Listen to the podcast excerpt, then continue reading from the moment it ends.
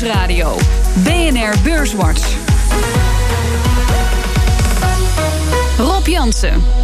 Welkom bij Beurswatch, het enige beleggingsprogramma op de Nederlandse radio. Met Kees Smit van Today's Groep en Mark Langeveld van Longchamp Investments.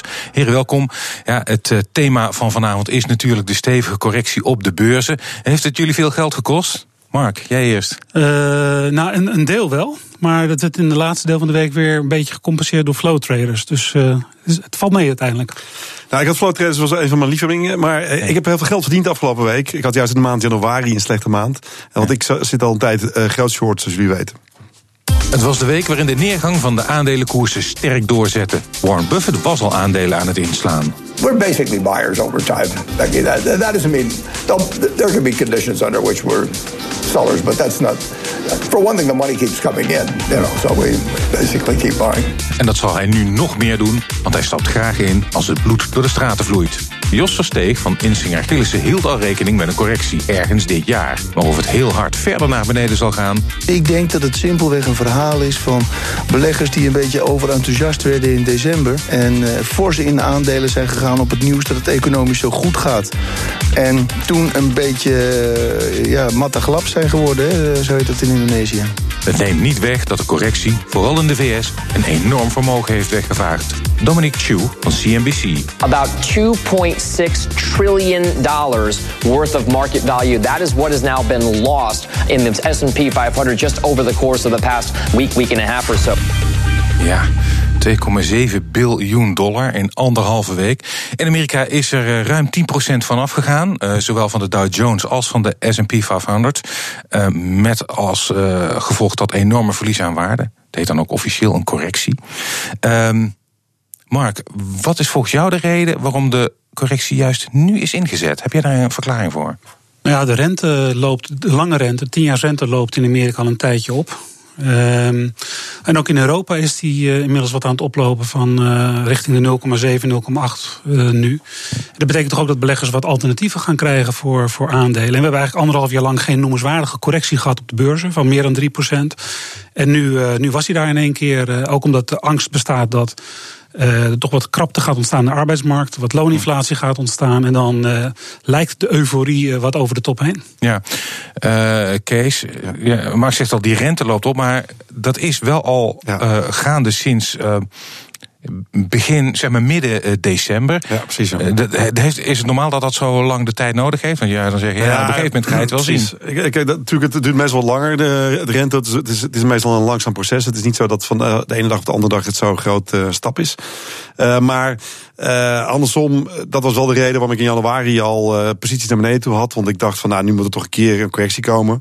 Maar uh, in januari kreeg ik natuurlijk juist nog een beetje een euforiestemming. Gingen we nog een keer veel hoger. en ja, dan wordt dan ze de laatste bears zijn uit de markt gepest in januari. ik werd zelf bijna ook de markt uitgepest. Dus dat ik echt een volhardend beer, beer, ben. Maar anders, mijn beleggers waren ook boos op me. Want ze zeiden ja, je staat min anderhalf procent in januari in je fonds. Uh, en ja, dus je merkt dan gewoon dat, dat mensen outflow hebben, dat ze niet meer geloven. En dat was eigenlijk precies het moment dat het, uh, dat het uh, de correctie kwam eigenlijk. Ja. Mark, jij zei net, er is eigenlijk geen. Er was heel lang geen alternatief. Nu loopt de rente op, dus dient zich een alter, alternatief aan. Aan de andere kant, ja, beetje een stokpaardje van mij. Ik heb het hier vaak gehad over de enorm hoge koers. Dus even los van die rente, je kan wel zeggen geen alternatief. Maar uh, de waarderingen, met name in Amerika, die gaven eigenlijk al een half jaar geleden aanleiding voor een flinke correctie. Ja, en het heeft denk ik ook te maken met het beleid van centrale banken. Die zijn natuurlijk enorm stimulerend gebleven de afgelopen tijd. En uh, wat natuurlijk nu in Amerika gaat gebeuren, is dat de Federal Reserve gaat dit jaar zo'n 420 miljard uit de markt. Dus niet meer uh, verruimen, maar krimpen. Mm -hmm. En tegelijkertijd stapt de ECB natuurlijk, uh, die halveert ook het, het, het, opkoopprogramma van 60 naar 30 miljard. En dat loopt tot september. Um, en die liquiditeits of dat gratis geld wat maar over die markt werd uitgestort de afgelopen jaren. Dat is wel een hele belangrijke rugwind geweest voor de beurzen. En ja, dat houdt nu in 2018 op. En dat komt nu wel heel hard op beleggers af. Hmm. Als zijnde van nou, dat is wel een risicofactor waardoor de rente verder zou kunnen oplopen. En daarmee opnieuw spanning in de beurs kan geven. Ja. Ja. Uh, een ander ding was natuurlijk de belastingplannen van, van Trump, die natuurlijk de markt nog eens een keer een, een push gegeven hebben. Uh, uiteindelijk het eind van het vorig jaar. Uh. En dat zit nu eigenlijk allemaal in de markt.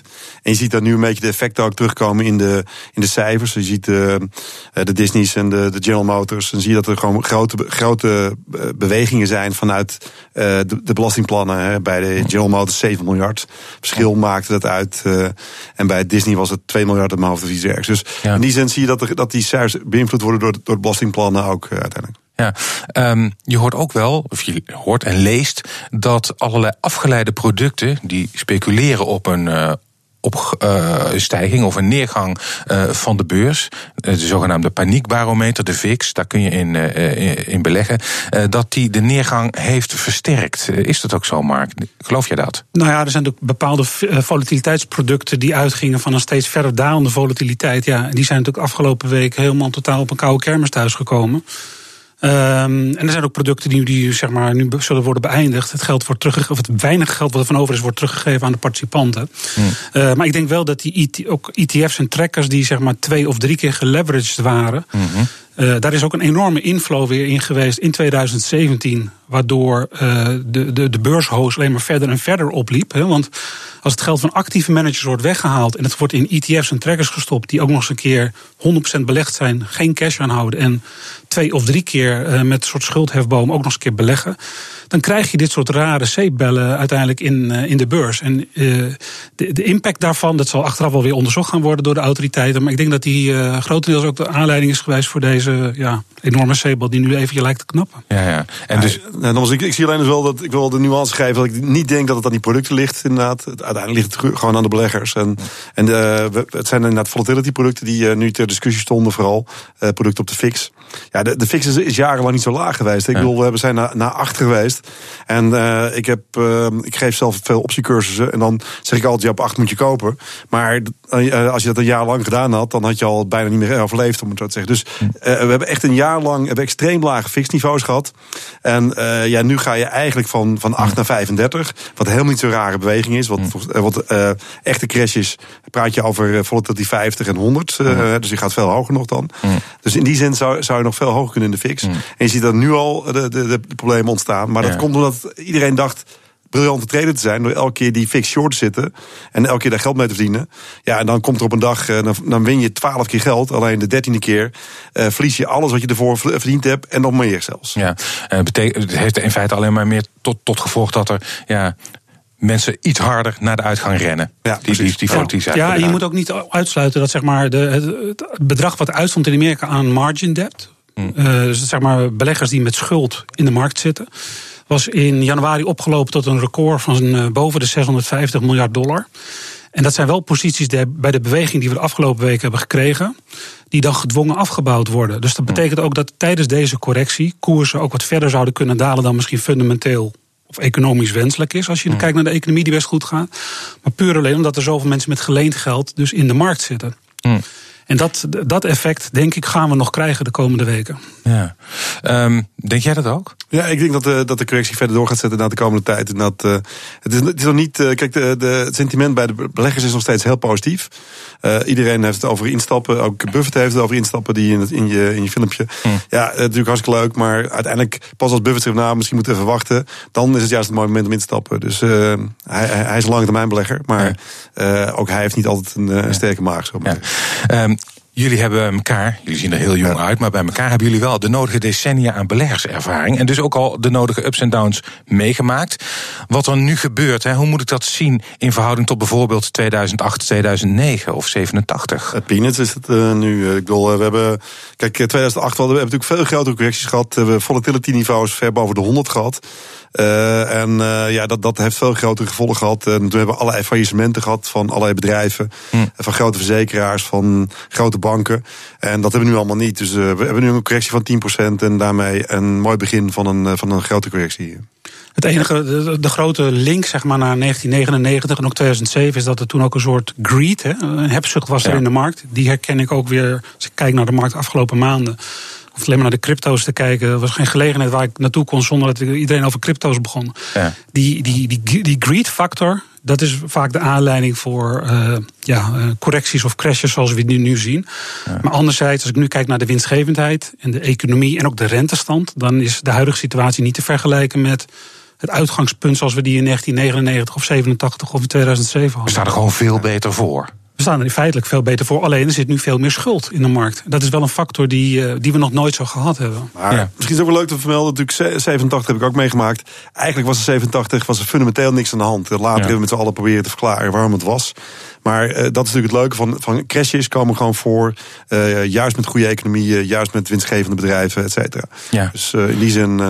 Ja, want als je kijkt naar ook afgelopen week, in, in de week waar het zo uh, hectisch was, uh, uh, zag je dat bepaalde vertrouwensindicatoren in Amerika, producentenvertrouwen is goed, vertrouwen in de dienstensector in Amerika staat op het hoogste niveau in twaalf jaar tijd. Het lijkt erop alsof er nog veel meer aan economische groei aan zit te komen. Ja.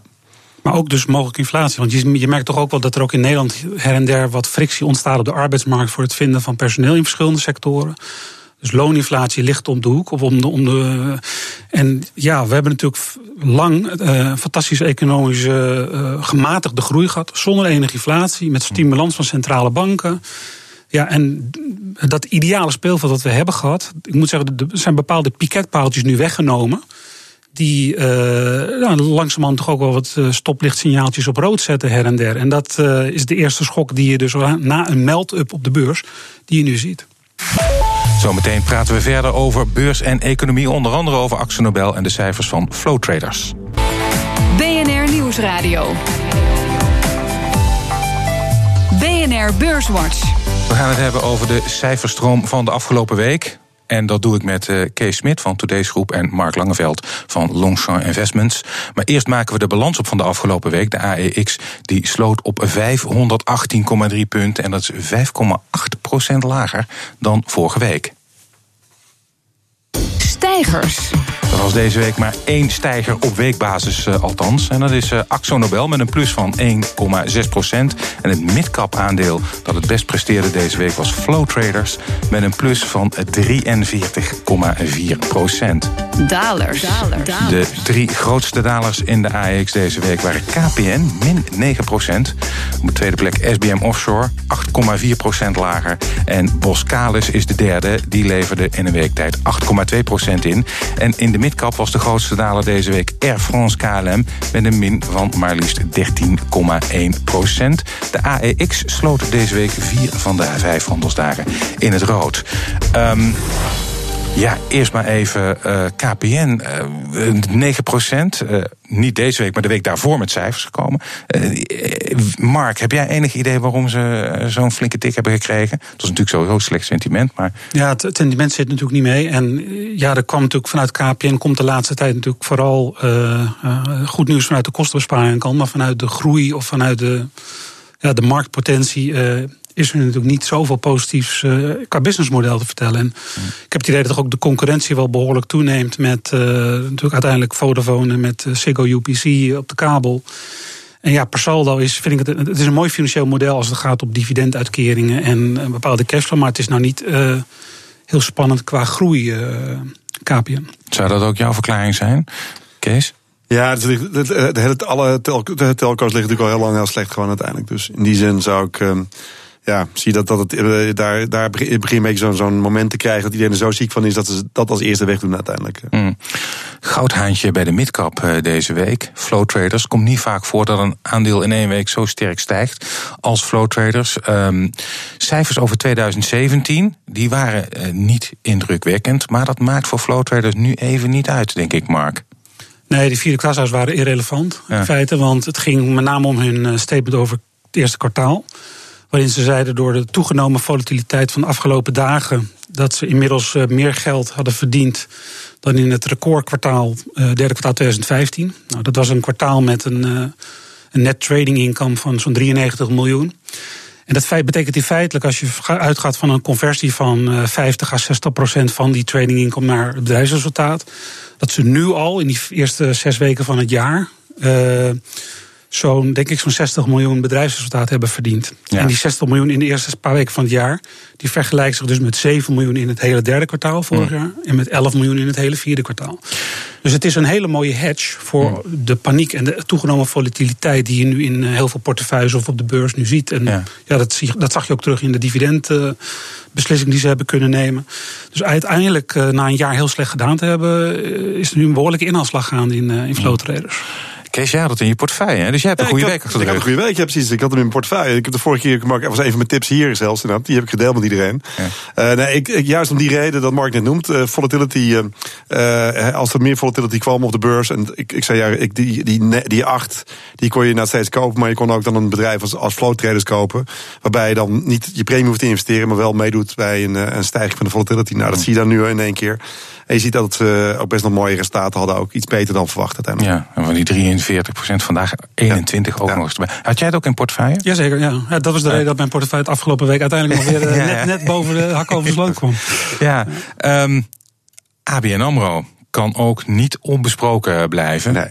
Prominente in het nieuws deze week, niet alleen vanwege de cijfers, komen we zo nog wel even op, denk ik, maar ook vanwege president-commissaris Olga Zoutendijk. Zij krijgt geen tweede termijn. De verhouding met de Raad van Bestuur zou zijn verstoord en ze heeft een dominante leiderschapsstijl. Zo lees je links en rechts. Um, Mark, wat dacht jij toen je over deze perikelen uh, las? Eh, het sleept al jaren, de, de verhoudingen binnen de top bij ABN AMRO. Ja, nou ja, ik, ik dacht gelijk van, ja, commissaris moet zich vooral niet bemoeien met dagelijkse operationele bestuursactiviteiten. En als ik het zo lees, maar goed, ik ben een buitenstaander, eh, gebeurde dat dus wel. Mm. En vandaar ook dat nu het vergrootglas erop ligt. En mm. ja, dat is natuurlijk een, uh, geen goede zaak voor je compliance en voor je, zeg maar, je hele interne bedrijfsvoering. Uh, Um, ik wil niet zeggen dat het een Wells Fargo'tje is. Nee. maar het, het, het, helpt natuurlijk niet bij zeg maar, de perceptie van het grote publiek over hoe ABN AMRO op dit moment geleid wordt. Ja, ben je het daarmee eens? Ja, nee, je ziet, dus het is al een tijdje een beetje rommeld in de top. Inderdaad, zoals je zelf zegt, het, is al, het sleept langer door. En dan, ja, kijk, als je dan ook nog een keer je cijfers niet, niet heel geweldig zijn. En ook niet, dan hadden mensen nog een beetje gehoopt op wat meer uh, fantasie in de dividenden. Mm. Ja, als dat allebei daar niet komt, ja, dan is een klein beetje extra slecht nieuws. Wordt dan heel zwaar uh, opgenomen in één keer. Mm. Uh, toch zei Mark, uh, ja, een president-commissaris hoort niet uh, zich te gedragen als een CEO. Maar ik dacht nou juist dat toezichthouders. Ik denk aan DNB en de ECB van, bij, van de commissarissen bij uh, de bank tegenwoordig wel een wat actievere uh, houding uh, wensen dan één keer in de maand een sigaar roken en een goede ja, nee, dat, maar dat is ook het andere uiterste, zeg maar. maar ik denk Commissarissen moeten zich wel met beleid doen als het bedrijf in de probleem is. Nou, dat was volgens mij bij ABN AMRO niet het geval. Um, en natuurlijk, uh, commissarissen moeten proactief uh, meedenken. Maar echt bemoeien met het beleid, dat vind ik een... Uh, het moet wel een scheiding van taken en rollen zijn. Zeker als het gaat om corporate governance op dat ja, gebied. Ja. Nou ja, het is in ieder geval waar, inderdaad, dat ik geloof wel zeven bestuurders zijn vertrokken onder haar uh, uh, zittingsperiode in de uh, Raad van Commissarissen. Even terug naar die cijfers. Bank zit op zich, ja, de winst is volgens mij als ik, wel gestegen. Ja. Um, Weer meer geld opzij gezet voor buffers. Dus. Ja, en dat is dan een reden voor jou om te zeggen van nou ja, kijk, uiteindelijk, eh, nou, op zich zou je zeggen, in deze tijd ben je blij dat de bank buffer heeft. Ik bedoel, hm. je, in die zin, uh, prima, prima, prima ding. Ik bedoel, uh, ik ben ook altijd van de ABN fanclub. fanclub. Ik ben ooit begonnen met werken. dus wat dat betreft blijft, het, blijft het een bepaalde liefde. Maar andersom, als belegger had je ook toch een beetje gehoopt op wat dividendverhoging. En dat in ieder geval dat je een beetje meedeed in. en dat is uiteindelijk dan niet, weer niet gebeurd. dus. Mark, uh, ja, als je kijkt naar de cijfers. Er werd gerekend op een, uh, misschien een wat extra kapitaalsuitkering voor beleggers dit jaar. En uh, door Basel IV, wat in 2021 zeg maar, over de bankensector wordt heen gelegd, heeft ABN AMRO nu in ieder geval besloten om nog iets conservatiever naar alle kapitaalsbuffers te kijken. Waardoor in ieder geval dat extra cadeautje voor aandeelhouders of, of extra dividend wat op de later, langere baan is geschoven. Nou, dat betekent dat de, de, speciale eh, positie die ABN binnen de Europese bankensector had bij beleggers. Ja, dat is nu eventjes weer een klein beetje naar de achtergrond verschoven. Waardoor ja, iedereen gewoon weer redeneert van nou jammer, dat komt wat laat. Dus we focussen weer even op andere banken in Europa. Dus dat was wel de reden waarom uh, ABN AMRO volgens mij uh, teleurstellend reageren. Ja, je ziet dat gewoon dividend wel iets is waar beleggers heel, heel heftig op reageren. Neem uh, Wereldhaven, uh, natuurlijk ook een van de, van de bedrijven die ja, niet met flinke tik, precies een flinke tik kregen, op, puur op het dividendbeleid uiteindelijk. Dus in die zin zie je dat beleggers toch wel degelijk in lage rentes hopen op, op ergens cadeautjes vanuit de aandelekant. En, en als die dan niet komen, dan is men extra, extra kritisch. Ja, je zei net van ja, dan, als je het dan legt naast andere Europese banken, maar als je nou even het dicht bij huis houdt, Mark, uh, gewoon ABN AMRO, ING, dan is de keuze voor jou ING als belegger. Ja. Ja. Voor jou? Ja, voor mij nee, nu op deze niveau is ABN uh, wel. Maar, uh, spreekt daar niet ook een beetje de liefde nog? Dat spreekt mijn liefde in terug. um, ja, na KPN was uh, SBM Offshore ook uh, een flinke daler. Het bedrijf was verlieslatend. Als je de eenmalige posten eruit haalt, was er wel een winst van 80 miljoen dollar. Maar dat was wel flink minder dan een jaar uh, eerder. Um, ja, Mark, vind je terecht dat beleggers wegrennen bij dit aandeel? Nou, dat doen ze volgens mij al een paar jaar door het hele voortslepende van die Brazilië-affaire.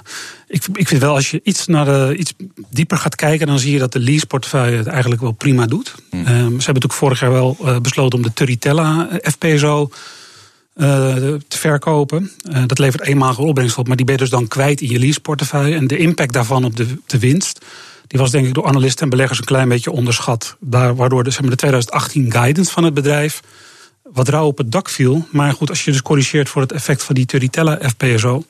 Dan denk ik dat het uiteindelijk wel meeviel. En de turnkey business, wat eigenlijk uh, een tijdje last heeft van uh, onderbezetting.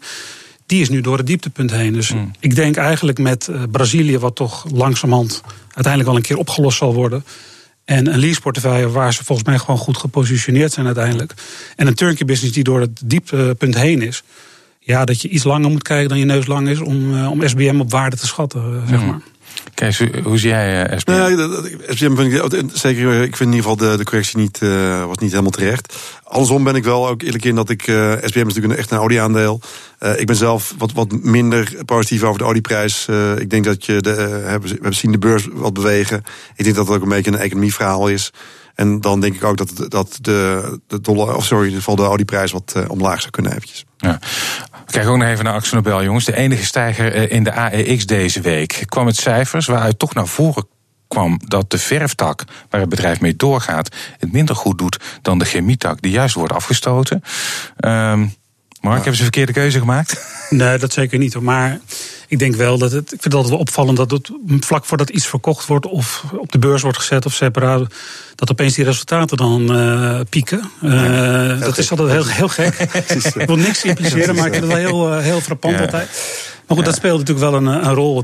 In april moet dat allemaal gaan plaatsvinden. En als ik kijk naar de input prices van titaniumdioxide voor de, de, de paint- en coatingsdivisie, dan hebben ze daar toch wel wat uh, tegenwind gehad.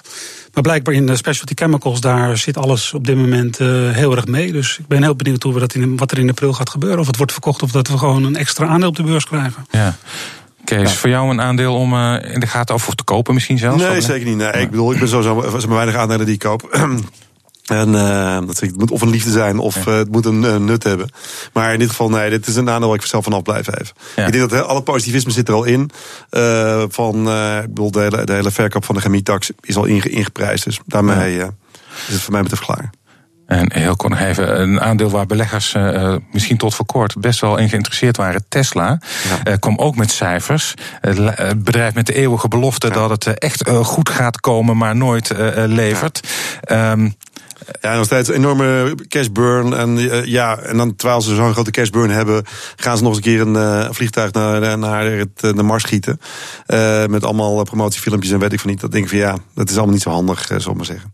Ja. dus in die zin, ik denk afblijven van het aandeel. Het is eigenlijk nog niet echt gecorrigeerd. Je ziet, vanavond zie je het wel wat wegzakken. Maar ik denk dat het nog veel verder omlaag kan. Het is gewoon een heel duur aandeel. Wat inderdaad, waar, waar vroeg of laat de beleggers ook wat minder enthousiast af gaan worden. Ja, we zijn alweer bijna aan het einde van deze uitzending. En dan vraag ik jullie altijd een tip. Ja, dat is in deze tijden misschien moeilijk te geven.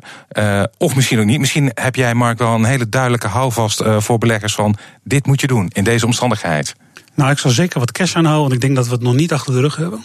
En we hebben nu te maken met een correctie, maar ik sluit helemaal niet uit dat we uiteindelijk toch minimaal 20% uiteindelijk vanaf de top naar beneden gaan komen. Doordat rentes blijven oplopen en doordat uh, centrale banken zich terugtrekken. Ehm, ik vraag me af of de tekorten van Amerika, uh, hoe dat gefinancierd gaat worden als de Federal Reserve zich, zich terugtrekt. Dus ja, ik, uh, ik ben bang dat je met cash nog wel een hele mooie hedge hebt. En ja, wil je echt wat beleggen, dan zou ik het op een hele prudente manier, met, met, nog steeds flow traders op dit niveau, zou ik het proberen. Maar met goudmijnen misschien. Maar ik zou echt even afwachten met, even op de handen blijven zitten nu. Kees. Ja, ik zal gewoon uh, op dit moment, kijk, uitgaan dat die mensen toch een portefeuille niet weg willen doen. Uh, kunnen, kan je prima gewoon uh, een poetspread kopen onder je portefeuille. Je koopt de AIX april 500 poet. Je hebt daar ongeveer 14 voor. En dan verkoop je, omdat de volatility hoog is en die opties duur, verkoop je een andere poet eronder. De, in dit geval de april 64. Dan krijg je 6,5 voor. Dus in totaal voor 8,5 euro heb je 40 punten, die kan je verdienen. Dus je kan minimaal maar 4, zelfs iets meer dan maal 4 kan je gaan als de beurs wat verder daalt. Dus in die zin prima hedge zou ik. Cash en een putspread uh, op de AEX. Daarmee zijn we aan het einde gekomen van deze aflevering van Beurswatch. Ik dank mijn gasten van vandaag, Kees Smit van Today's Vermogensbeheer en Mark Langeveld van Longchamp Investments. Volgende week is er natuurlijk weer een Beurswatch. Deze uitzending die kunt u naluisteren op de website van BNR of via de BNR-app. Heeft u nog vragen, dan kunt u mailen naar beurswatch.bnr.nl of een tweet sturen naar Rob En dank voor het luisteren.